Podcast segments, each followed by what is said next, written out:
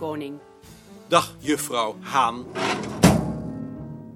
Dag, meneer Beerta. Dag Maarten. Juffrouw Haan wil voortaan mevrouw genoemd worden. Waarom? Omdat zij vindt dat haar dat als gepromoveerde vrouw toekomt. Dan moet ik voortaan maar jonge heer genoemd worden. Wat ben je toch een ouderwets man. Maar je weet het nu dus. Ik heb het gehoord. Iets anders. Je weet dat Ter Haar niet terugkomt. Ter Haar komt niet terug. Waarom niet? Hij is ernstig overspannen. Hij verwijt ons dat hij te hard moest werken en dat wij geen waardering voor zijn werk hadden, maar volgens de dokter hoeven wij ons dat niet aan te trekken. Dat zeggen alle mensen die overspannen zijn. Ik heb nu aan Nijhuis de opdracht gegeven om een advertentie te zetten voor zijn opvolging. En aangezien ik zelf binnenkort voor een week naar Duitsland ga, heb ik hem ook gevraagd een en ander af te handelen. Ik had zo gedacht dat Nijhuis hem maar moet inwerken. Kan Nijhuis dat? Als Nijhuis dat wil, kan hij dat. Het is alleen de vraag of hij het wil, want dat moet je bij hem altijd afwachten. Morgen. Dag Jaap. Wat vond je van de bijeenkomst? Uitstekend. Grote opkomst. Bovendien heb ik in de trein het laatste deel van Balzac uitgekregen, zodat ik een goed besteden dag had. Nu Proest. Heb jij Balzac ook gelezen? Alleen Le Père Goriot en Eugénie Grandet. Maar ik vond er niet van aan. Balzac is een van de boeiendste auteurs uit de 19e eeuw. Zijn milieuschildering is onovertroffen. Ik vind hem niet boeiend. Ik vind iemand alleen boeiend als hij over zichzelf schrijft. Onzin. De helft van zijn figuren is hij zelf. Dat kan wel zijn, maar ik heb geen ogenblik de indruk dat hij over zichzelf nadenkt, zoals Stendhal bijvoorbeeld. Van zulke literatuur hou ik niet. Ik vind Balzac ook heel boeiend. In ieder geval vind ik Stendhal boeiender dan Balzac. Dat is natuurlijk grote onzin. Je kunt niet zeggen dat de ene schrijver boeiender is dan de andere. Je kunt ook niet zeggen dat Verlaine boeiender is dan Homerus. Je kunt zeggen dat je hem boeiender vindt. Dat is hetzelfde. Maar daarvoor kwam ik niet. Hebt u hier de tweede druk van de Vries?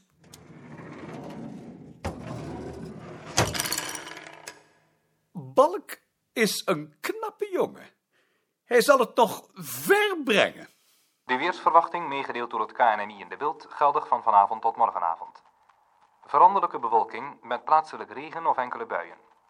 Matige tot krachtige, aan de kust tijdelijk harde of stormachtige wind tussen west en noord. Over het algemeen weinig verandering in temperatuur.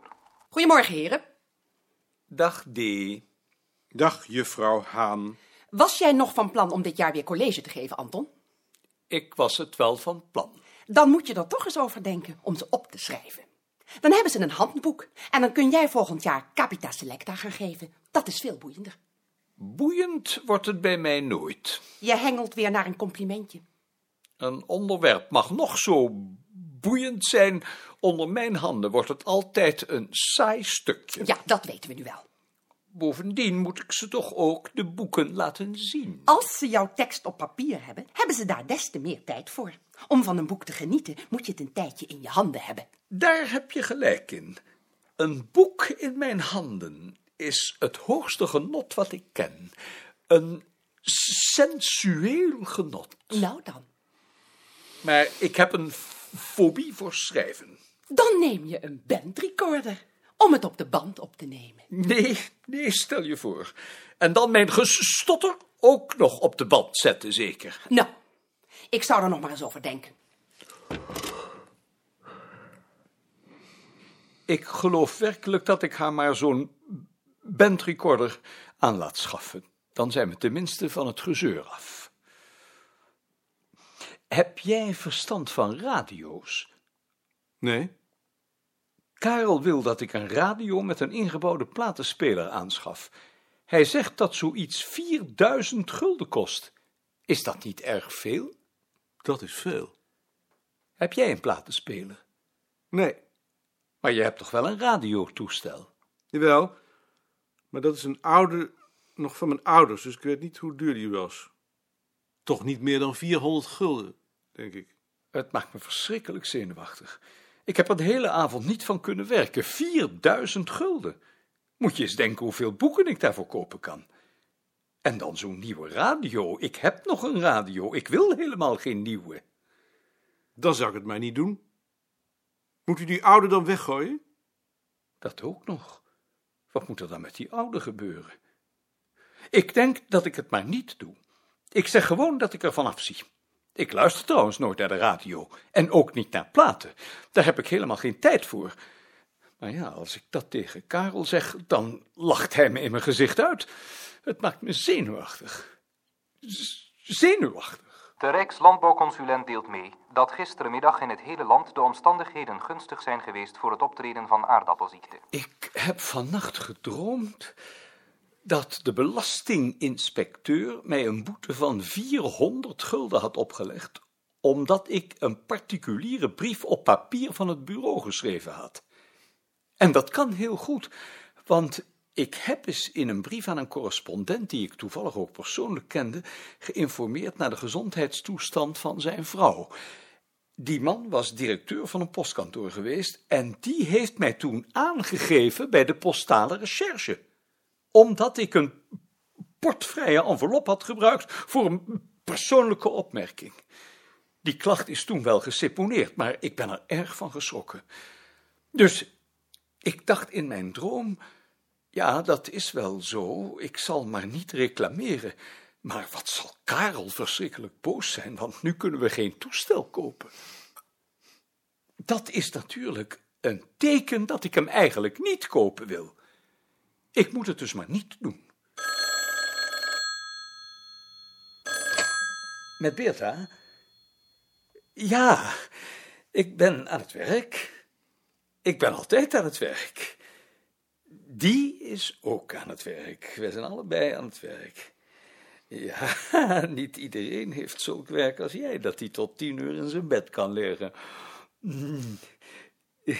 Nee, Karel, dat zeg ik niet. Je begrijpt me weer helemaal verkeerd. Nee, nee, nee, nee, nee, nee. Maar waarom bel je nu eigenlijk op? Want ik heb het druk. Ik moet nog een brief schrijven en ik heb nog een bespreking te doen. Nee, dat komt me slecht uit. Omdat ik het druk heb. Niet alleen een brief en een bespreking, ja, ja, nog een brief. Ik heb vandaag nog wel tien brieven te schrijven. En hoe lang duurt dat dan? Nou goed, als het maar niet langer duurt, want ik kan de tijd eigenlijk niet missen. Dag. Karel wil om twee uur dat radiotoestel met me gaan kopen. Zou Nijhuis geen verstand van radiotoestellen hebben? Die is nogal technisch. Misschien. Karel wil dat we een Philips nemen. Dat is een betrouwbaar merk, zegt hij. Wat heb jij voor merk? Ik heb ook een Philips. Want ik heb wel eens gehoord dat er een heleboel merken zijn. Telefunken, Grundig en zo. En RS? Hoe weet je dan welke de beste is? Dat moet u aan zo'n man vragen. Maar zo'n man weet niet hoe onhandig ik ben. Zo'n man heeft natuurlijk een grote mensenkennis. Want ik moet er een met heel weinig knoppen hebben. Die draai ik toch maar stuk. Bassen en zo, dat is niks voor mij. Nu nadert het moment met de rassenschreden. Ik wou dat nu maar de directeur kwam en zei dat ik het gebouw niet verlaten mag. Of dat er een heel belangrijk bezoek kwam. Hier ben ik. Maar nee, het is Nijhuis maar. Op het ogenblik snellen de jagers van de Haringvloot naar de Nederlandse kust met aan boord de vangst van de eerste nacht. Vier jagers uit Scheveningen zijn nu onderweg naar Nederland. Dit zijn de Scheveningen 121, de Oceaan 6 met 46 kantjes, de Scheveningen 72, de Tony met 45 kantjes, de Scheveningen 225, de Delhi met 49 kantjes en de Scheveningen 55, de Noorderkroon met 110 kantjes aan boord. Ik heb me verslapen. Wat zeg je nou? Nee, maar. Enfin, we dachten dat je ziek was. Dat zou nog erger zijn geweest. Dat is dan afgesproken, D. Je mag hem aanschaffen. Trouwens, ik kan er niet zoveel van zeggen, want ik heb me ook eenmaal in mijn leven verslapen. Volgende week komt Van Hamme. We moeten dan eindelijk een beslissing nemen over de eerste aflevering. Heb jij daar je gedachten nog over laten gaan? Ja, ik heb een voorstel. Laten we daar dan maar meteen over vergaderen. Roep jij Hein de Boer even? Hein de Boer is er vandaag niet. Wanneer is hij er wel? Als ik hem hebben moet, is hij er nooit. Enfin, dan moet het maar zonder hem. Ik luister. De kaarten... Meneer Beerta, hier is een meneer Bos uit Odoren, die wil u spreken. Waarover wil hem spreken? Hij zegt dat hij correspondent is en dat hij toevallig toch in Amsterdam moest zijn. Zeg hem dat ik nu in bespreking ben en dat ik hem onmogelijk kan ontvangen. Vraag maar of mevrouw Haan hem wil ontvangen. Jawel, meneer Beerta. Ga door.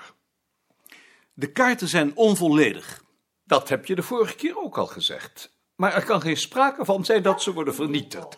Dat kunnen we ons niet veroorloven. Ontzettend aardig van u om Ja. hier op te zoeken. Maar ik wil uitleggen waarom ze onvolledig zijn. Dat interesseert me minder. Volledigheid bestaat niet.